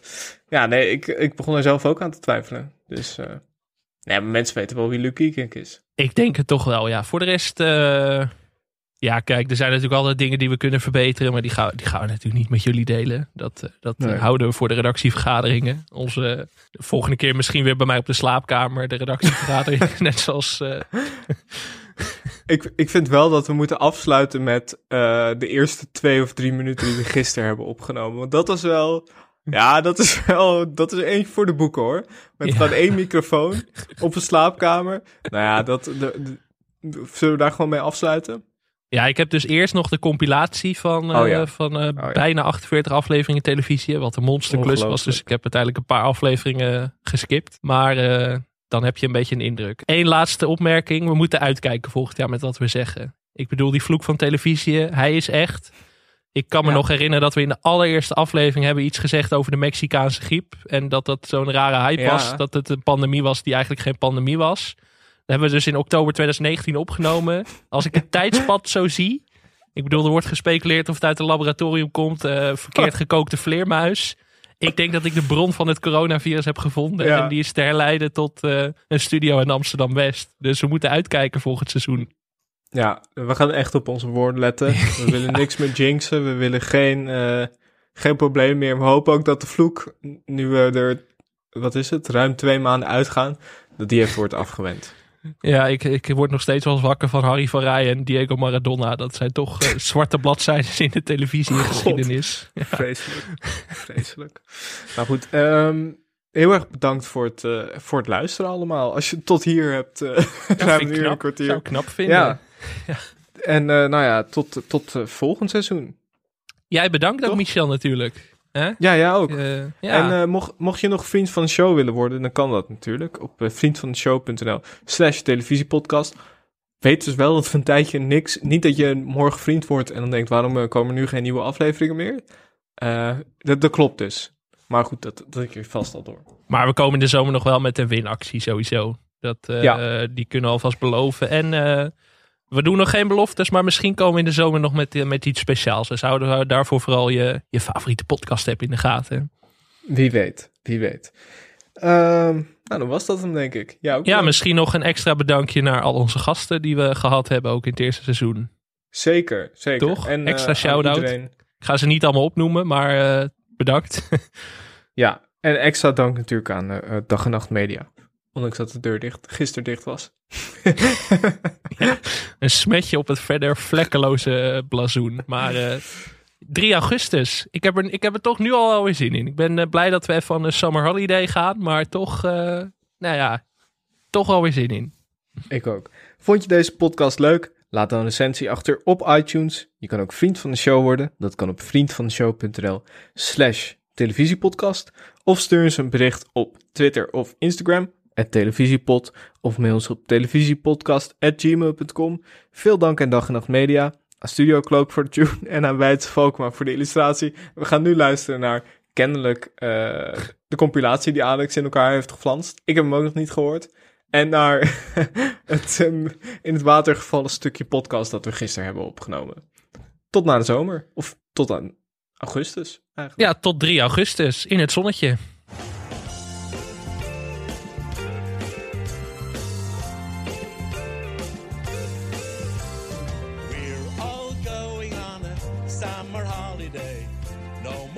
Welkom bij de allereerste aflevering van Televisie, de podcast waarin we kijken naar Nederlandse televisieprogramma's die in de vergetelheid zijn geraakt. Toen heb ik er een tweetje uitgegooid naar Jeroen van Koningsbrugge van... Oh, nee. hey Jeroen, ik wil heel graag weten wie er in Iedereen is gek op Jack speelt. Kun je mij dat eventjes eh mededelen? In grote getalen kijken naar Mark Forno die in een bak met water wordt geduwd, ja. Als je ook de Irishman kan kijken. Mensen zeggen van, oh ja, Domino Day, dat was wat hè. Want het zit best wel in het collectieve televisiegeheugen. Het is heel jammer dat je Domino Day al noemt, want ik wilde eigenlijk een soort van Domino Day en dan fragment. Sorry. Ik bedoel, eh, als je een schorpioen in je mond doet, ja, ik had het niet willen zien, maar ik blijf wel kijken. Glad ijs, maar die kinderen waren vervelend. dat echt, oh. Binnen anderhalf minuut hadden we al een lijk te pakken. Ja, dat, eh, Dat is ook een nieuw Nederlands record. Met siliconenborsten. Nou ja, ik voel me best wel genaaid door de EO. Dat ze zeg maar al het, al het leuke religieuze van ons afpakken. Al Dus het spektakel. van, nu moet, dit moet gewoon weer terug. En eh, ja, dus met die kippen en ene kostuums naar beneden donderen en dan maar hopen dat je iemand raakt. Wie is jullie Annette Barlo dan? Het is niet dat je dacht van Simone Kleinsma. 40 jaar ouder, maar alsnog. Ja, ja toen was gelukkig gewoon. Er Hij mag wel hoor, Gerard. Cox. Dat daar, jouw ding is. Dat... Zeg jij nog Gerard Cox? Wat hoor ik nou? We hebben onder meer toppendansen gezien. eh, blij dat ik glij. Snel naar het bel. Gein op het plein. Op een gegeven moment ben ik van de, van de D4 een soort van gedegradeerd naar de D5. En de D5 was een nieuw team voor mensen zoals ik. Kijk, Thomas Akda is natuurlijk extreem goed in doodgaan. Maar ik denk dat hij nooit zo goed is doodgegaan als in, eh, als in All-Stars. Dus in die zin heb ik ook heel veel geleerd. Van toen was gelukkig gewoon. Ja. Heb je verder nog iets over de kinderen van dat je kwijt wil? Misschien iets over Lola Brood, toch wel de grote verliezer van deze aflevering. Nou, we hadden het een paar weken geleden over Toen was gelukkig gewoon, maar dat mag eigenlijk nog niet in de schoenen staan van Kees en Co. Ik denk dat dit, nou, ik weet wel zeker, dit is met afstand mijn favoriete programma dat we tot nu toe hebben besproken. Ja. Je kunt ook professioneel gewoon intro's gaan zingen voor onze podcast. Best een, eh, best goed, een leuk idee, ja. Het is echt een compleet ander universum waar je binnenloopt. Gewoon met groothandel, top 25's en klanten van het jaar en zo. Maar daarom is dit programma zo mooi. Je zou bijna kunnen zeggen dat dit programma het jaar 2020 gewoon helemaal gered heeft. dat ze met hun hele shit en hun, en, en, en hun vuile was eh, op de Nederlandse televisie willen komen om er van het probleem af te zijn. Zelden zoiets lekkers en comfortabels meegemaakt als, als anti-kater kijkvoer dan we zeiden bijna. En dat bij elke confrontatie merkte je dat Peter er nachten, nachten, nachtenlang had nagedacht over wat zijn eerste zin tegenover de, de, de delinquent zou zijn. Ja, en het was meteen. eh, het was. Je hebt dit nog nooit gezien. Het meest bijzondere televisie-experiment is eindelijk terug. Maar ik, nou, het, het was vermakelijk op zich. Het was onderhoudend. Ja, ik kan me nog een, een uitzending herinneren. Daar hadden de buren dan saloondeuren in de woonkamer gemaakt. En dan hooi op de vloer. Weet jullie dit nog? En er waren ook allemaal ehm, eh, schilderijen die allemaal met het thema liefde waren opgehangen. Behalve een paar ja, posters van Freek de Jonge, volgens mij. dat is echt heel raar. Kartonnen huis bouwen, het tapijt door de tar, eh, carwash halen. Klinkt wordt een beetje een slijm McQuell verhaal, maar goed. Ja, ik weet niet. Maar juist door dat verstrijken van de tijd hakte dat er een beetje in. Waardoor ik toch, toch een beetje Ja. vochtige oogjes kreeg. Ik kan niet meer naar die persoon kijken zonder jou daar ook bij te zien of zo. Ja. Dat vind ik altijd wel leuk als dat gelukt is. Het is dus Martijn Krabbe die, je- die je hier ziet. Het is eigenlijk natuurlijk groter dan zomergasten. Ik bedoel, het onderwerp van deze podcast is groter dan zomergasten. Is groter dan de Nederlandse tv. Is groter dan Nederland. Is groter dan, dan, dan alles. Al het aardse eigenlijk. Ja. Ja, wat even voor de duidelijkheid. Jij bent hier dus te zien als Duitse toerist. Ja, het is niet officieel mijn acteerdebuut. Dat heb ik een eh, seizoen eerder gemaakt, ook in het schaap. Oh ja. Nou, dit is, dit is mijn, absoluut mijn favoriete Nederlandse tv-programma ooit. Veel mensen hebben natuurlijk de Matthäus Passion als een soort van hoogtepunt van Pasen. Voor mij is dat wel echt de Passion. Zijn we gewoon nog steeds naar bruiloft aan het kijken. Ja. Terwijl het uiteindelijk, voor mij gaat het om de Jews, daar kom ik voor. Maar, die, maar wel... eh, Dat is niet zo'n aanbeveling. nee, is- ik- I'm, I'm not selling it. eh. heel goed. Zeker had weten. eh, je had een heel goed Brabants accent. Amsterdamse les van je vader gehad in de groentewinkel. Maar ik kan mij toch wat beter verplaatsen in de personages van Ik geloof in mij dan bij O. Gersoort. En ook eh, qua, qua personages is dat ook eh, een vertaling. Ja. Nou, dat was hem voor Ja, vandaag. dat was het. Eh, leuk Tot dat je volgende luistert. week. Ja, dat vind ik ook altijd heel vervelend. Zo van, ja, ik heb geen tv meer, maar ik vind dit wel heel goed. Ik denk, ja, waarom moet dat erbij? En dan vind ik dat je ook geen mening meer mag hebben over tv. Eigenlijk over het leven. Zullen we het iets groter trekken? Gewoon, gewoon helemaal uit de samenleving. On a summer holiday, no more working for a week or two. Final after on a summer holiday, no more for me and you. We kunnen even kijken of dit een beetje werkt. Als we zo zitten. Ik zal hem nog een beetje in het midden zetten. Mocht deze opname ooit het levenslicht zien, dan eh, is het wel... eh, Staat die aan? hij staat al aan. Oké. Al 26 seconden. Oké, we, gaan het, eh, we gaan het zien of het lukt. Ja.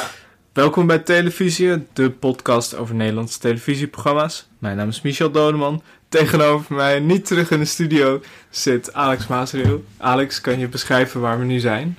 Ja, ik moet wel zeggen, dit is de meest surrealistische podcastopname die ik, nou, misschien wel de meest surrealistische dag van dit jaar tot nu toe. Het is eh, op dit moment tweede Pinksterdag. Eh, een, een- natuurlijk een hele belangrijke feestdag. Ja. Eh, Misschien wel de belangrijkste. Maar wij waren lekker zorgeloos eh, door de regen, door de zon onderweg naar de studio en eh, we stonden voor een dichte deur. Kijk, als je freelancer bent, dan bestaat de tweede Pinksterdag niet, als dat op een maandag valt. Dus wij waren gewoon eh, de hele dag aan het werk en gingen vol goede moed door de regen naar de studio. Om eh, aan te komen bij een dichte deur. Ja, klap. En ik zag jou daar staan met je koptelefoon op en je muts op in de, in de stromende regen. En het was wel een van de meer treurige beelden die ik dit jaar heb gezien. No offense, maar ja, als we Nee. zeg maar foto's hebben om het afgelopen jaar te moeten samenvatten, zou dat het waarschijnlijk zijn. Ik was me er ook volledig van bewust en ik had niet de energie om er iets aan te doen. Eh, dus zitten we op dit moment eh, in de slaapkamer van Alex. Als je denkt, waarom klinkt het alsof jullie in een schoenendoos opnemen? Het komt omdat we met één microfoon in een slaapkamer aan het opnemen zijn. Wat vrij letterlijk een, studio, een schoendoos is ook. Het is een eh, geïmproviseerde studio. Het is een, ik heb wel eh, aan de aankleding gedacht in ieder geval. Een dvd-paleis. DVD- en boekenpaleis. Dus eh, nou, als de audio goed is, dan, eh, dan, eh, dan horen jullie dit wel. En anders horen jullie eh, niet. Dat Dit is, dit is hoe de Fame eruit zag voordat ze failliet gingen. Weet je waar ik, waar ik ook achter kwam?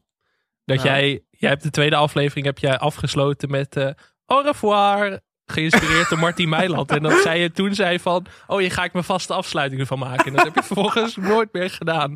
Dus misschien om dat toch de cirkel rond te maken. Au revoir. Au revoir. Dat vind ik wel echt een goede afsluiting. Ja, laten we die erin houden. Vanaf Ja? Ja. Au revoir. Dag.